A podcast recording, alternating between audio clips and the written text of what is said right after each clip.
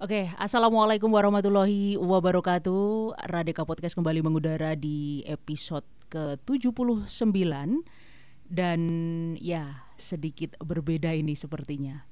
Beberapa kali kemarin teman-teman dari Radika Podcast Kebetulan yang jadi host dan siar adalah teman-teman mahasiswa ya. Tapi kali ini, di kesempatan kali ini sedikit saya pengen ngerusoi ini di sini. Dan di episode kali ini ya kalau dibilang menjadi sesuatu yang spesial sepertinya juga cukup spesial karena memang kita kedatangan dua tamu dari praktisi sekaligus akademisi yang bakal khusus membahas tentang sebuah topik yang bisa dibilang sekarang lagi in-innya nih, lagi hangat-hangatnya. Tidak bermaksud untuk menjadi sesuatu yang bikin overthinking ya, tapi saya pikir uh, ini salah satunya yang kemudian membuat uh, saya sahabat Radeka yang dulu mungkin pernah bergabung di sini kembali nongol nih di depan kalian semuanya dan membersamai teman-teman semuanya di Radeka Podcast untuk membahas masalah isu tentang mental health atau mungkin juga kita bisa sering mendengar itu tentang mental illness. Dan kali ini uh, spesial tanpa telur Tapi kebetulan kita kedatangan dua narasumber bintang tamu. Uh, yang pertama dari praktisi sekaligus juga akademisi bidang psikologi ada Ibu Lintang Seira. Halo. Halo, Bu Lintang. Assalamualaikum warahmatullahi wabarakatuh. Ya, ini kalau saya biasanya sering manggilnya Mbak Lintang ya. Terus kemudian yang kedua uh, teman saya Sohib juga yang biasanya suka jajan bareng saya. Ada Ibu Ulfa Fauzia. Nah, ini dari dari BKI ya Bu ya sebenarnya, tapi kenapa kemudian saya undang sengaja ke sini karena kebetulan uh, beliau sebenarnya dari sosiologi. Oke, halo Bu Ulfa. Halo, assalamualaikum.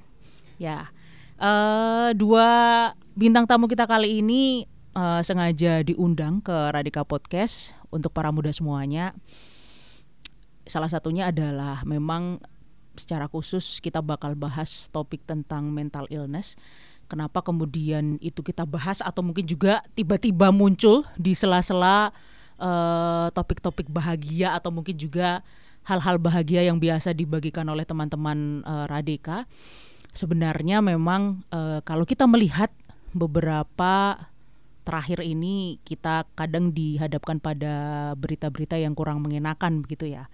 Misalnya kayak beberapa waktu yang lalu uh, ada kabar tentang kasus bunuh diri dari mahasiswa UNES.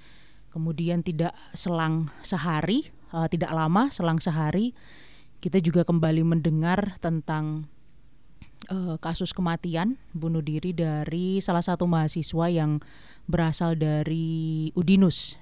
Sama-sama dari Semarang dan saya pikir di sini boleh jadi bukan merupakan hal yang uh, mengenakkan ya. Karena pastinya kalau bicara tentang sesuatu yang apa ya katakanlah depresi atau mungkin juga terkait dengan perkara mental itu tidak tidak mudah begitu. Dan ya di sini semacam saya harus membahas ini dengan hati-hati uh, agar juga teman-teman semuanya kira-kira tidak akan tersinggung atau mungkin juga tidak akan kenapa-kenapa begitu ya selanjutnya. Tapi kita berharap semoga informasi yang kami bagikan nanti bisa bermanfaat untuk semuanya.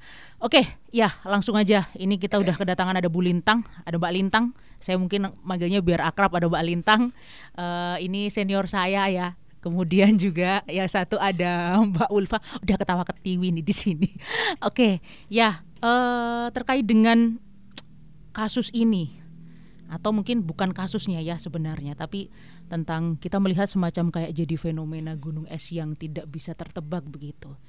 Ini kira-kira menurut Mbak Lintang sama Mbak Ulfa barangkali dari sisi psikologi maupun dari sisi uh, sosial begitu gimana kira-kira menurut Anda?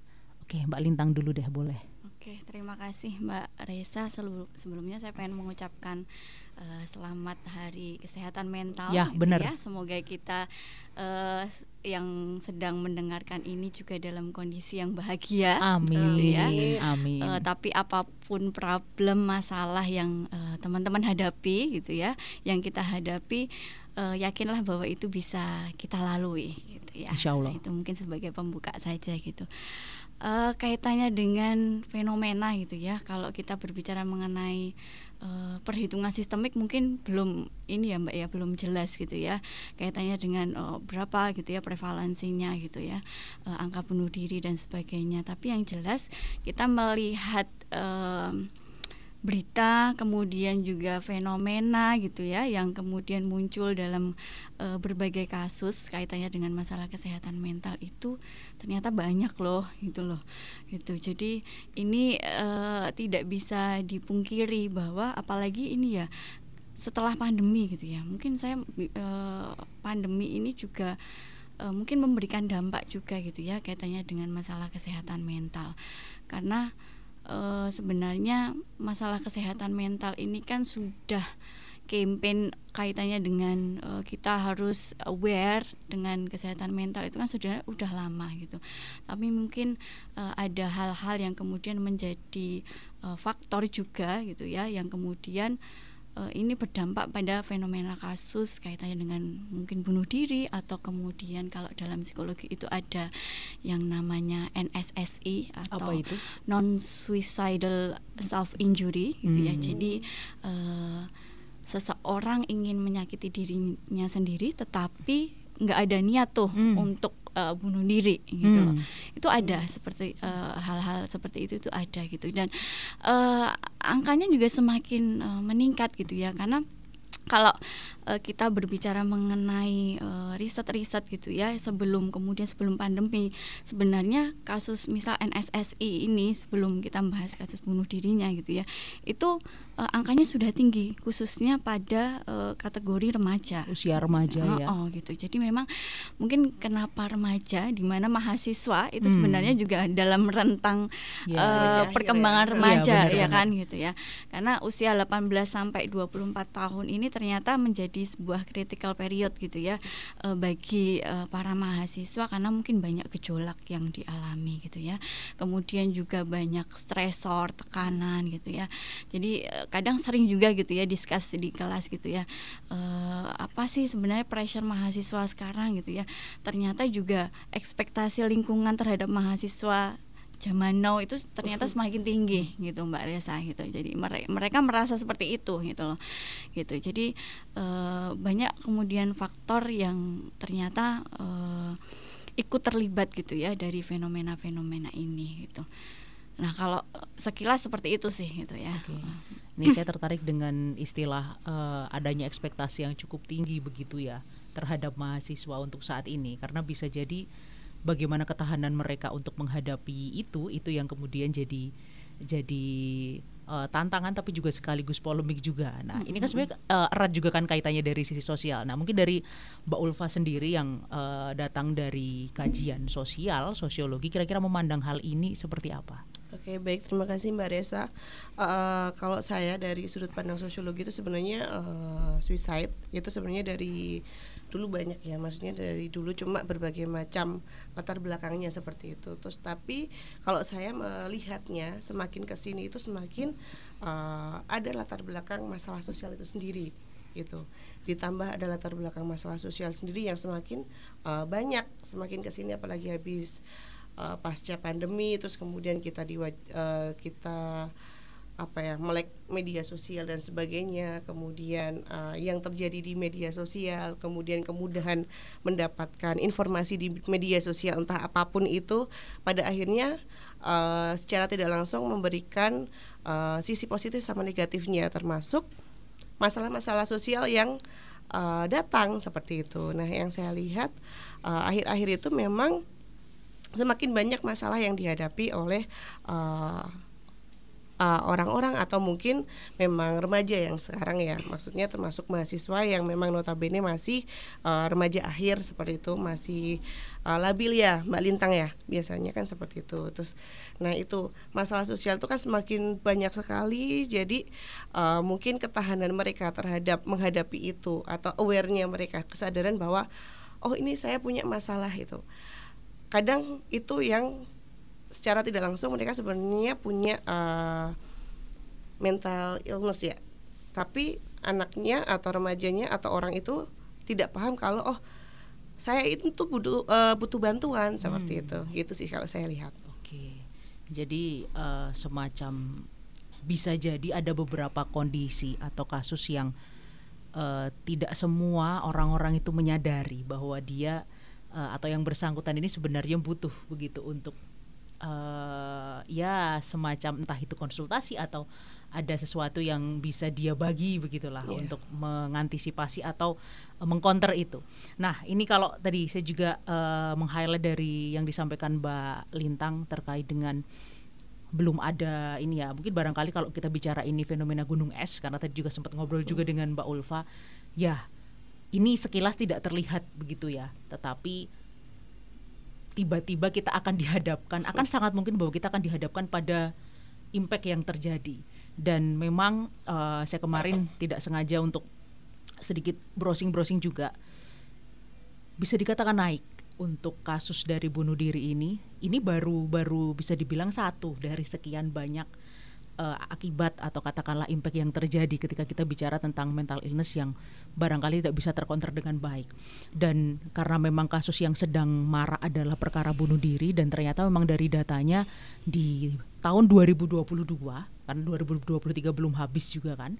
Jadi di tahun 2022 ini yang saya kutip dari Pandemi Talks memang ada sebanyak 826 kasus yang mana itu ternyata meningkat dari sejak tahun 2017 dan uh, ya kalau kita kemudian merujuk pada kasus yang memang terakhir terjadi di Semarang itu sejak 2022 sampai 2023 2023 saja pun ini lebih dari tiga kasus terjadi ternyata.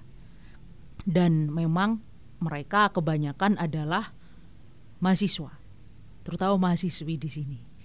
Jadi uh, kita tidak berusaha untuk ini ya mengingat atau bagaimana, tetapi kita sih berharapnya bahwa ini juga juga bisa jadi catatan juga buat teman-teman mahasiswa yang uh, sekiranya ketika barangkali mereka dengan banyak gejolak, banyak permasalahan uh, semoga ini bisa jadi pembelajaran juga lah untuk kita semuanya.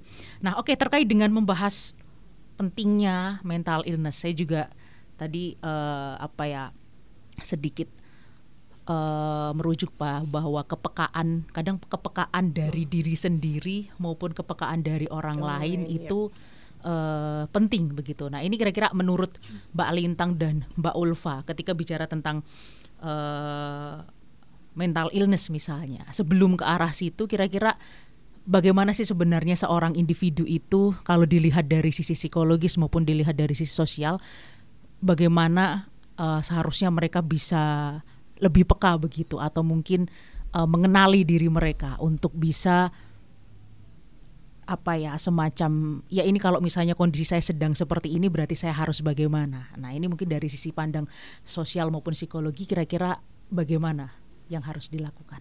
Iya uh, memang ini ya Mbak Reza tujuan uh, kita di sini adalah juga memberikan sedikit psikoedukasi ya, kaitannya benar, benar. dengan tadi seperti yang disampaikan Mbak Ulfa bahwa bisa jadi uh, orang yang bersangkutan itu tidak paham apa yang harus saya lakukan ketika saya punya problem dan merasa bahwa beban saya sudah luar biasa dan mengarah ke putusasaan gitu. Cuman kemudian di sini juga jadi PR bagaimana kita gitu ya bisa memberikan peran gitu ya sebagai uh, kalau dalam psikologi itu ada yang namanya psychological first aid gitu ya. Hmm. Jadi pertolongan, pertama itu nggak cuma pada iya, kecelakaan iya, benar, gitu Mbak Biasanya kita biasanya iya. kan oh, oh. PMI dan lain iya, sebagainya gitu. gitu-gitu Tapi pertolongan pertama kaitannya dengan ya. permasalahan ini, psikologis benar, benar. pun kita bisa menjadi uh, penolong pertama, pertama gitu ya. Iya, Karena iya, iya. sebenarnya setiap kita itu uh, punya apa ya istilahnya adalah kita punya peran menjadi first aider gitu loh. Hmm. Gitu. Sisi empati dan Iya. simpatinya ini iya Jadi yang memang harus bagaimana di ini ya. kita peka dan kemudian peduli dan melihat sinyal gitu Ya, ya, benar-benar. dari orang-orang yang ada di sekitar kita gitu. Jadi kalau berbicara mengenai kesehatan mental, orang sehat mental itu kan orang yang kemudian tahu potensi dirinya. Jadi ada empat pilar sehat mental itu ya kaitannya dengan dia potensi dirinya paham, kemudian dia juga bisa eh, apa istilahnya mengekspresikan emosi, regulasi emosi, kemudian juga produktif gitu ya dan juga memberikan kontribusi gitu ya untuk orang-orang terdekat lainnya dulu lah gitu gitu. Gitu. Nah, sebenarnya ketika berbicara mengenai mental illness gitu ya, itu enggak sesuatu yang sifatnya ujuk-ujuk gitu Benar. itu sebenarnya sebuah proses yang panjang. Iya. Kenapa kemudian seseorang terlintas untuk melakukan hal-hal yang kaitannya menyakiti dirinya sendiri atau membahayakan dirinya sendiri itu adalah proses yang panjang gitu. Jadi mungkin diawali dengan kita merasa stres. Stres itu Hmm. wajar loh gitu Iya. ya. Jadi tekanan tugas Ah, itu juga bisa gitu, jadi stres iya. ya. skripsi skripsi Betul sekali begitu ya, juga. gitu ya harus eh, bolak-balik ke dosen Iya, benar-benar. pembimbing gitu ya. Kita nggak mungkin dalam hidup ini bebas stres Iya, gitu karena pasti ada setiap tekanan ya. ya siklus kehidupan itu pasti kemudian kita dihadapkan sesuatu yang tidak sesuai dengan keinginan kita, tidak sesuai dengan ekspektasi kita gitu ya. Jadi stres itu adalah sesuatu yang terkadang memang dibutuhkan untuk seseorang supaya apa dia lebih Tahan. adaptif. Iya, lebih Iya, dia adaptif, lebih kemudian tahan. lebih secara mental dia eh, bisa bertahan gitu ya. Cuman tadi tergantung Hmm. stres levelnya. Ketika stres itu sedikit terlalu sedikit justru malah ini impactnya nggak baik loh pada Hmm, performance benar-benar. individu karena bisa jadi akhirnya dia inaktif gitu. Oke, Tapi ya. kalau too much, Hmm. nah, Ya, itu- nah, dia itu bisa juga, ke arah ya.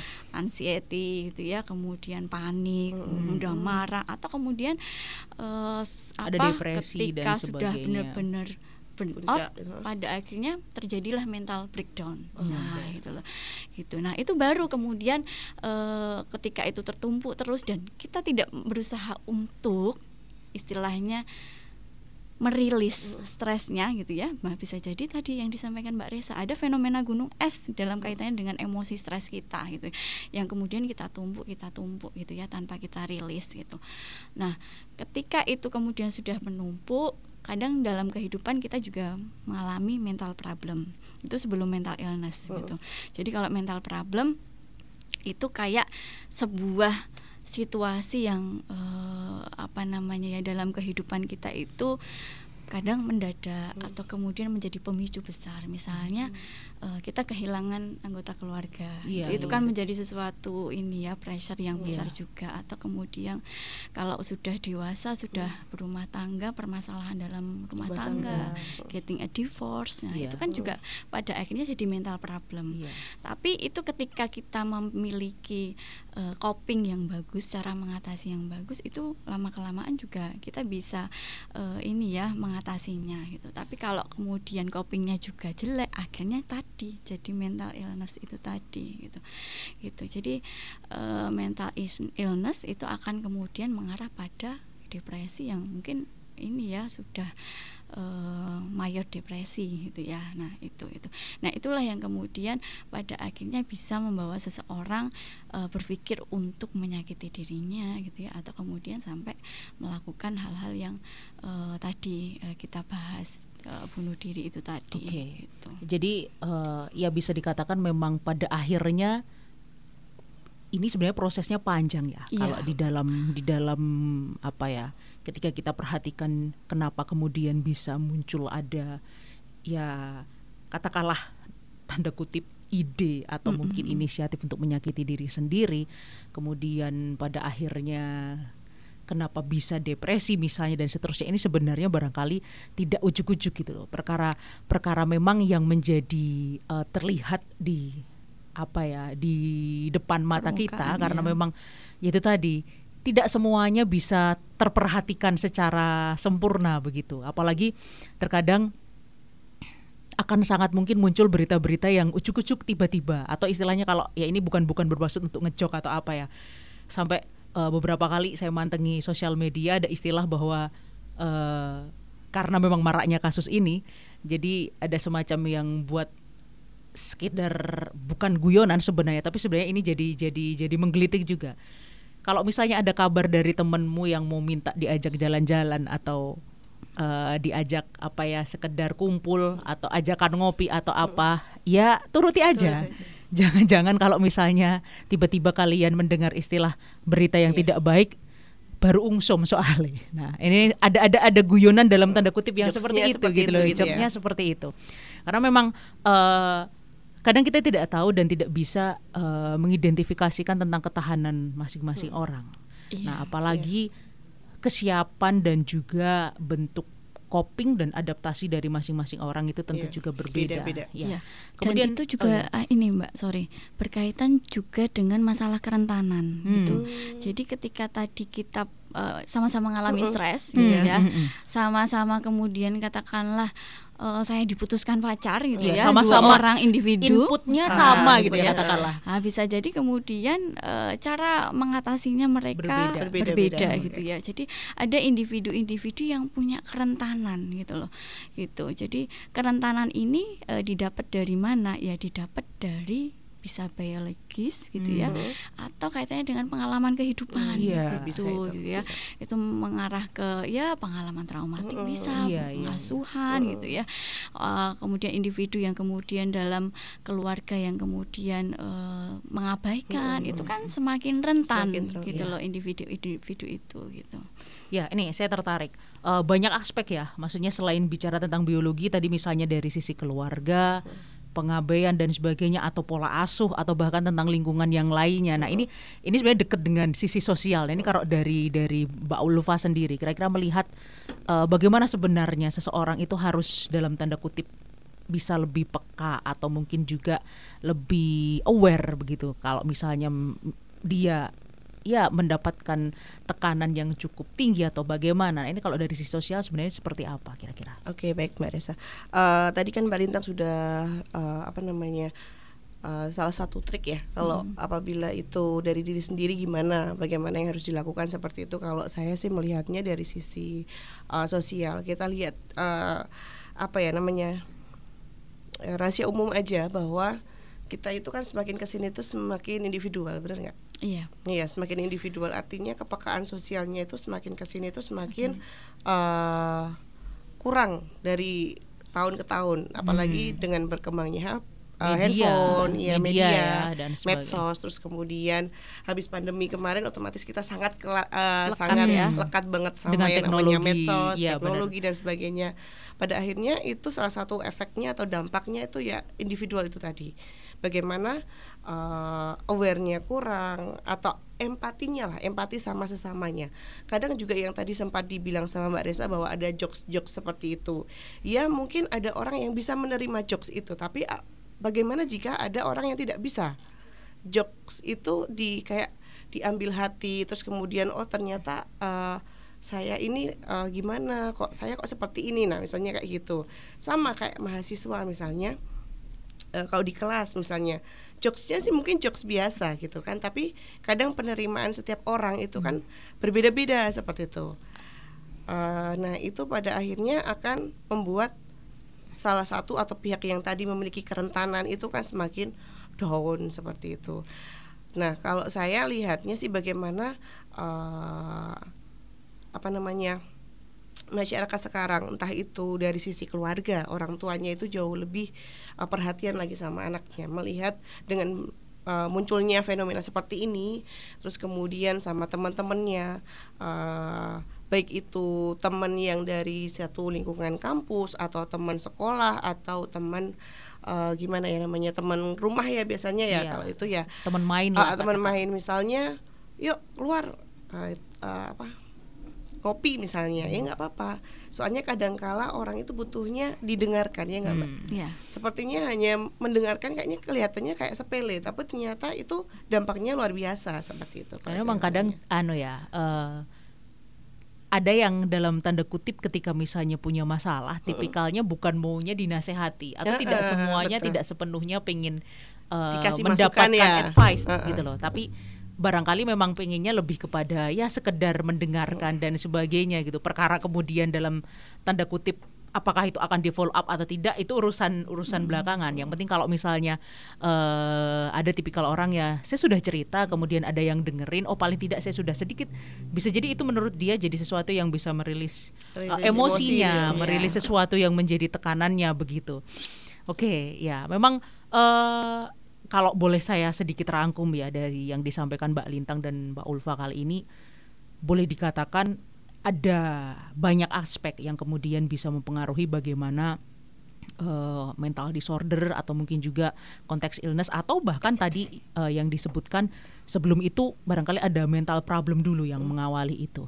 Dan dari sini banyak aspek yang menyebabkan dan memicu itu baik yang kemudian dari diri sendiri tentang sejauh mana sih kita sebenarnya uh, bisa mengcounter itu atau bahkan sejauh mana kita uh, kadang masing-masing individu itu memiliki kerentanan yang berbeda-beda.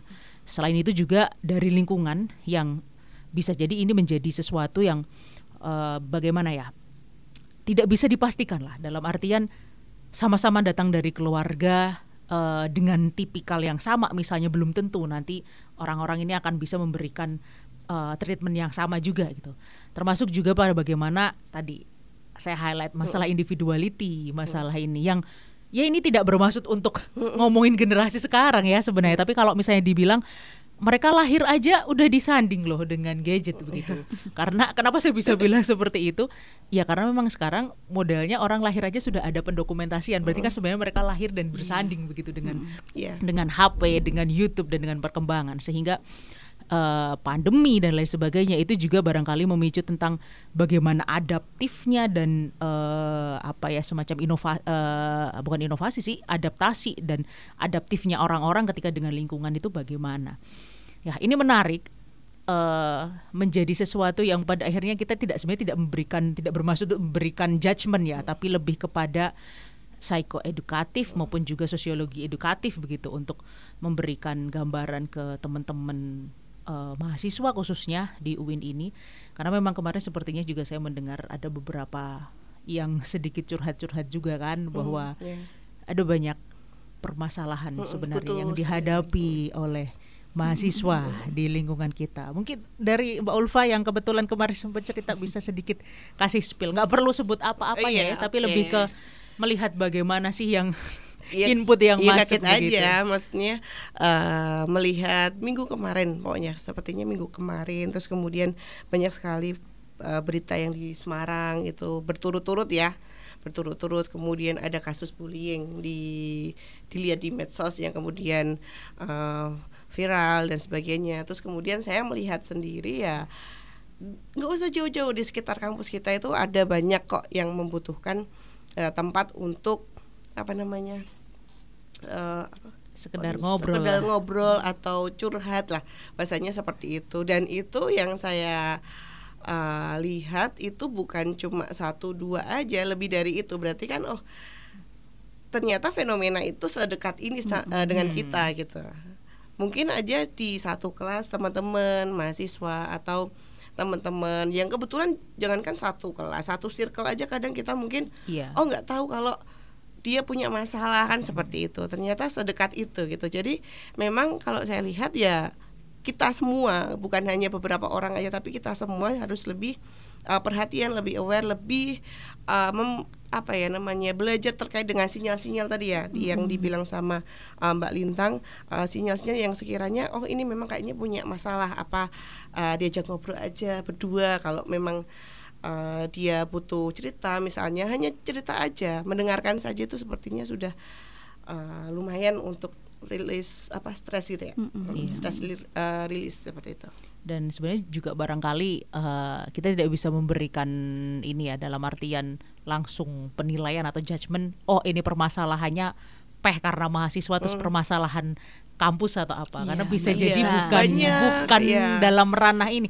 dikiranya uh, ini bukan pembelaan loh ya dikiranya masalahnya dengan dosen tapi ternyata dosen. justru itu hanya sepersekian persen dari yang menjadi permasalahan utama misalnya yeah. nah ini dalam artian bahwa uh, kita juga perlu perlu aware dan saya pikir juga bukan hanya dari sisi orang per orang yang dekat bahkan kita pun juga uh, beberapa yang mungkin berprofesi sebagai akademisi atau mungkin tenaga pengajar juga harus bisa lebih aware begitu ya kira-kira kalau misalnya ada mahasiswa yang oh ini kenapa dan lain sebagainya uh, karena memang tidak jarang konsultasi skripsi atau bahkan uh, eh, PA perwalian itu menjadi salah satu sesi yeah. sesi yeah. kunci juga yeah. untuk ya sekedar untuk membuka komunikasi begitulah dengan mahasiswa. Nah, nah ini mungkin dari sisi psikologi uh, ada nggak sih di sini kalau misalnya yang barangkali pernah ngobrol dengan Mbak Lintang ini secara khusus. Atau mungkin juga teman-teman dari psikologi yang dalam tanda kutip mahasiswa pernah ngobrol tentang apa mereka ada keluh kesah begitu yeah. yang terkait dengan mentalnya mereka misalnya. Ada nggak? Mungkin sedikit cerita Kalau aja sih tanpa menyebut ini. apa namanya pengalaman nah ini yang kemudian kadang merubah ini ya uh, cara saya gitu ya untuk kemudian berkomunikasi dengan mahasiswa. Karena e, mungkin kadang ngerasa mau konsultasi gitu ya Bu mau konsultasi kirain tugas ya konsultasi akademis skripsi, gitu ya gitu ya. iya. Ternyata konsultasi kaitannya dengan uh, sesuatu yang lebih privacy gitu ya, ya terkait dengan uh, ya masalah psikologis mereka gitu. Dan saya pernah mendapatkan ini Mbak cerita aja itu udah hmm. mungkin awal-awal ya tahun 2019 dan itu bukan dari prodi yang pernah saya ajar hmm, gitu. Dari Jadi luar prodi bahkan luar fakultas ya. Uh, oh, masih Oh, masih satu uh, fakultas. fakultas okay. cuman kemudian tidak pernah saya ajar oh, gitu iya, loh. Benar -benar. Gitu. Dan ketika kemudian uh, kita janjian gitu ya uh, ternyata setelah bertemu dia memperlihatkan bahwa dia tadi sudah melakukan beberapa uh, ini ya uh, perilaku yang mengarah pada menyakiti diri sendiri itu dan itu diperlihatkan loh ke saya gitu. Dan kemudian dari situ saya kepikiran coba kemudian saya nggak mau ditemui si hmm. mahasiswa ini gitu ya gitu. Apa yang kemudian terjadi gitu. Jadi dari situ kemudian membuat saya juga lebih uh, peka gitu ya dalam melihat uh, ketika uh, ada sinyal-sinyal yang mengarah pada masalah uh, psikologis atau juga masalah mental tadi. Karena tidak bisa dipungkiri bahwa uh, kalau berkaitan dengan siapa yang kemudian harus punya peran di sini, semua pihak punya peran gitu ya untuk uh, mencegah karena ini adalah se eh, sebuah perilaku yang sebenarnya bisa dicegah kalau yeah. kita punya tindakan-tindakan uh, preventif yang baik begitu gitu. Apalagi kaitannya dengan mahasiswa, mereka paham nggak kira-kira di kampus itu misal ada uh, apa lembaga atau tempat yang kemudian bisa uh, menjadi sarana mereka untuk melakukan melakukan konseling, ya, nah itu, itu. Atau sekedar ya mencari inilah ngobrol iya, lah ngobrol, ngobrol atau apa, gitu ya, ya. mengekspresikan apa iya. yang difikirkan dan juga dirasakan iya, gitu bener. loh gitu. Karena mungkin uh, mahasiswa nggak tahu gitu ya ini harus ke mana gitu ya gitu. Jadi uh, ada kaitannya dengan diri sendiri gitu ya yang pengen saya sampaikan adalah ketika ada pikiran-pikiran yang muncul untuk membahayakan diri sendiri, menyakiti diri sendiri gitu ya. Yang pertama adalah coba uh, distraksi pikiran itu gitu ya dengan sesuatu yang kemudian uh, apa uh, membuat kita tidak lagi fokus untuk menyakiti diri gitu ya. Nah, ketika kita sudah uh, melakukan distraksi, nah mungkin kita bisa ini ya uh, apa namanya mengamankan apa yang ada di sekitar kita gitu loh. Gitu. Jadi kadang kan uh, kita paham ya, oh ketika kemudian ada sesuatu yang barang katakanlah yang kemudian itu bisa gitu oh, ya, oh membuat kita kepikiran gitu ya untuk melakukan sesuatu sesuatu yang negatif, maka nah itu singkirkan gitu ya. Kemudian ekspresikan emosi gitu ya. Masing-masing harus bisa mengenali diri sendiri. Makanya sering saya sampaikan ke mahasiswa bahwa uh, kenali deh kalian itu gitu ya. Cara ngekspresiin emosinya gimana gitu ya. Supaya stres kalian bisa rilis itu caranya gimana? Ada yang kemudian orang-orang yang journaling gitu ya nulis okay. gitu ya Jadi, ada yang kemudian harus penulis, cerita, cerita gitu okay. gitu ya atau melakukan sesuatu iya. aktivitas yeah. yang kemudian itu bisa mengekspresikan apa yang dirasakan nah itu dikenali hmm. gitu loh gitu karena kadang kita sendiri bingung gitu ya gitu kalau sudah stres gitu ya harus gimana nih ngerilisnya nah kadang mereka sendiri bingung gitu ya dan yang terakhir adalah cari support system Nah, itu itu. Yang memang benar-benar bisa uh, menjadi orang-orang yang tadi gitu ya peka, peka, gitu. iya. Kepekaan itu menjadi sesuatu unsur utama gitu. Kadang tadi seperti yang disampaikan Mbak Ulfa gitu ya. eh, kadang kita terlalu abai gitu ya untuk membaca tadi tanda atau sinyal-sinyal Sinyal, itu iya. tadi gitu gitu. Karena apa yang ya apa yang terlihat aja belum tentu bisa ketangkep. Apalagi kalau misalnya kita bicara pada apa yang nggak terlihat. Iya, nggak implisit Iya, gitu ya. itu- pada- itu tambah susah nangkepnya Nah, juga iya, kan, gitu. gitu, gitu. Jadi makanya ketika ada teman yang ingin eh, bercerita gitu ya, atau kemudian berkeluh kesah gitu ya, coba deh dengerin dulu gitu ya. Tadi eh, bahwa yang disampaikan Mbak Resa nggak semua orang itu cerita butuh nasihat dari kita, tapi mungkin hanya katarsis aja Iya, untuk benar. meluapkan gitu ya. Nah kita ya just to be a good listener aja gitu loh, gitu. Jadi eh, apa namanya kita sebagai pendengar itu silakan ya dengarkan dengan sepenuh hati gitu ya, dengan penuh rasa empati, jangan melakukan penghakiman gitu Iya, ya. iya, itu. Gitu. Oh, gue kamu kurang sholat gitu ya, gitu ya. Nah, Ada kan kayak nah, gitu ya, gitu. Oh, gitu ya. Atau kemudian Agak miris sih Ah, sebenarnya. gitu loh, gitu. Kurang Jangan- bersyukur, kurang sholat loh. Urusan bersyukur dan dulu, sebagainya kan gitu, gitu. kita dengan yang di atas gitu loh. Nah itu, Nah. jadi kadang kita perlu bijak juga gitu Iya, ya untuk benar-benar. merespon ketika teman kita itu uh, share gitu ya. Gitu. Oke, eh, highlight untuk ini ya sekali lagi saya eh, garis bawah untuk hal yang menarik, just to be a good listener gitu loh. Eh, ini juga yang barangkali menjadi saya tertarik untuk membahas ini karena memang banyak sekali saya temukan di sejumlah komentar-komentar misalnya. Kadang ketika misalnya ada teman kita yang eh, ada di situ netizen gitu, mereka bercerita ini ada salah satu temen yang pengen cerita atau apa tapi malah kena judgement bahwa itu tadi kurang bersyukur wah nggak rajin sholat atau apa. bahkan sampai dalam tataran ada yang ketika misalnya sudah eh, dari sisi psikis misalnya atau mental itu kena ada yang dalam tanda kutip dicap oh ini kena roh, roh halus atau apa dan sebagainya. Ada yang ada yang semacam memberikan statement-statement itu di di kolom komentar begitu. Kalau misalnya kita baca sekilas ya ini lucu, tetapi di satu sisi bisa jadi ini tidak lucu ketika kita berhadapan dengan orang-orang yang mengalami itu gitu loh. Karena eh, tidak jarang banyak sekali judgement yang sebenarnya kita tidak mengharapkan itu, tetapi itu yang kemudian muncul dari orang-orang di sekitar kita. Padahal di satu sisi bisa jadi kita berharap orang-orang di sekitar kita ini mungkin mereka akan menjadi pendengar yang baik hanya sekedar pendengar aja lah tidak apa-apa. Atau eh, orang yang bisa memberikan dukungan lebih-lebih kan seperti itu ya. Oke eh ya. Hal ini pada akhirnya memang tidak bisa eh, selesai di satu podcast ini ya saya pikir ya. Dan kami sih berharapnya juga di next podcast podcast yang lainnya atau bahkan juga syukur-syukur nanti siapa pun teman-teman dari eh, luar sana terutama bagi teman-teman mahasiswa di UIN ya kami berharap kalau misalnya teman-teman bisa mendengarkan ini ya coba memang yang pertama perlu untuk merilis diri sendiri, untuk mengenali diri sendiri karena bagaimana kita mengenali diri sendiri dan bahkan memanusiakan diri kita sendiri itu menjadi salah satu uh, poin yang utama juga untuk ini. Kalau misalnya memang sukanya uh, nonton K-pop misalnya atau sukanya nonton ko- membaca komik atau sukanya mungkin jajan apa dan sebagainya untuk merilis Iya, emosi emosi, ketika lagi iya. bunek ya nggak apa-apa.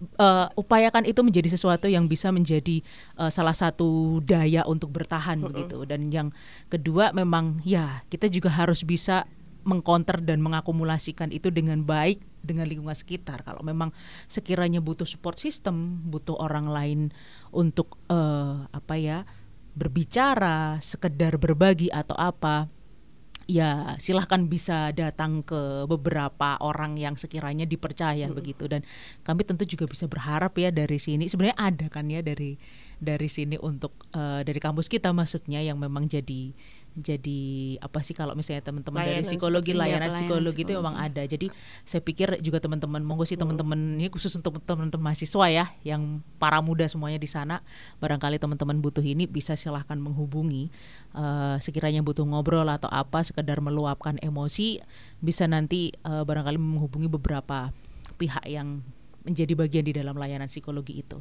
Karena ya kita berharapnya teman-teman masuk di sini dengan gembira, keluar lulus juga dengan gembira kan Iya. begitu kan. Betul. Jadi anggap semua yang ada di sini ini memang pada akhirnya jadi bentuk ketahanan dan saya pikir juga dari lingkungan kita yang eh, melihat atau kita yang barangkali menjadi sesuatu yang eh, orang di luar kita berharapnya juga bisa lebih berempati begitu ya dengan ini dan itu tadi kadang apa yang eksplisit aja kita tidak bisa mengenali itu apalagi dengan sesuatu yang implisit Implisit. gitu barangkali kita juga belum bisa untuk mengidentifikasikan itu sebagai sebuah oh ini warning nih bagi orang-orang ini nih bagaimana gitu nah kita berharapnya lebih berempati aja ya dan oke terakhir closing statement yang bisa disampaikan singkat aja dari Bu Siapa Ulfa dulu? dulu deh boleh Monggo, boleh, Ya.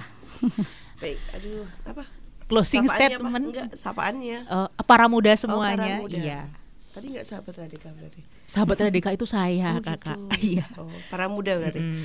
Baik untuk para muda semuanya yang mendengarkan Radika eh, Podcast. podcast, eh, kalau saya dari sisi sosial melihat ini, saya cuma ingin gini. eh, pertama, terima dulu masalahnya kalau saya. Terima dulu masalahnya. Ketika semuanya itu sudah diterima, kemudian minta bantuan minta bantuan kalau memang sekiranya itu uh, membutuhkan tempat untuk bercerita atau membutuhkan uh, bantuan yang lain misalnya itu teman-teman yang bisa uh, merasakan sudah dalam posisi mana. Saya harap uh, semua di sini yang mendengarkan semuanya diberikan kemudahan dalam uh, menghadapi semua masalahnya. Jadi uh, diingat aja bahwa masalah yang sekarang itu uh, kalian bagaimanapun caranya kalian harus bertahan. Kenapa kalau kalian tidak bisa bertahan nanti bagaimana kalian akan bertahan di masalah yang ke depan ke depannya lagi seperti itu. Tapi saya yakin teman-teman di sini pasti akan bisa bertahan semuanya. Terima kasih. gitu. oke selanjutnya Mbak Lintang mungkin bisa menyampaikan Iya, eh, yang ingin saya sampaikan adalah tadi mungkin sudah eh, sedikit kita bahas ya bahwa kita semua di sini adalah first aider gitu ya. Jadi tingkatkan kepekaan untuk melihat atau setidaknya ya membuka mata terlebih dahulu gitu ya bahwa eh, apa yang terjadi di lingkungan eh, sekitar kita gitu ya dan apa yang kemudian bisa kita lakukan.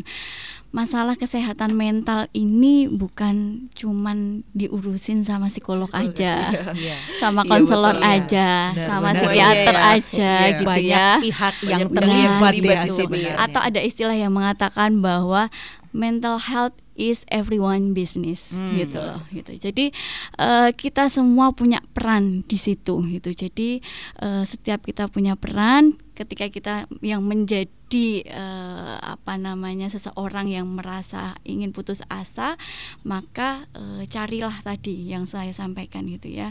Eh, ekspresikan emosi, cari support system gitu ya. Dan kemudian untuk orang lain juga silahkan eh, teman-teman untuk berusaha jadi penolong pertama dulu Hmm, gitu iya. ya Eh, minimal untuk mendengarkan ketika teman-teman merasa bahwa ini sepertinya sudah tidak bisa eh, saya ini ya Mm, saya bantu. ya. silakan hubungi tenaga profesional Mm, gitu iya. ya. Jangan takut ke psikolog ke konselor gitu ya. Mereka akan membantu eh, untuk apa ya istilahnya menjadi perantara kalian untuk eh, membuka sebenarnya apa sih yang kalian rasakan dengan eh, mental kalian kayak gitu itu saja gitu ya semoga kita senantiasa bahagia gitu. Amin, amin, amin. Ini buat yang kru di belakang semoga senantiasa bahagia ya. Oke, ya eh, terima kasih eh, Mbak Lintang dan Mbak Ulfa sudah berkenan untuk hadir di sini. Jadi eh, di mana pun, kapan pun dan bagaimanapun kita sebagai seseorang dan juga tentunya bukan hanya secara individual ya, tapi juga kita sebagai makhluk sosial tentu harus bisa bertahan di mana pun kita berada dengan permasalahan apa pun karena memang bisa jadi itu akan menjadi bekal kita untuk menghadapi Yang step-step yang yang selanjutnya lebih gitu berat. atau bahkan masalah-masalah yang selanjutnya dan eh, tidak menutup kemungkinan juga bahwa kita harus bisa mampu menjadi first aider begitu. Bukan hanya dari diri kita sendiri untuk diri kita sendiri, tetapi juga dari diri kita sendiri untuk, orang, lain, Yang ada di karena sekitar kita. ya yang ada di sekitar kita ya karena ya mental health isu itu adalah permasalahan kita bersama.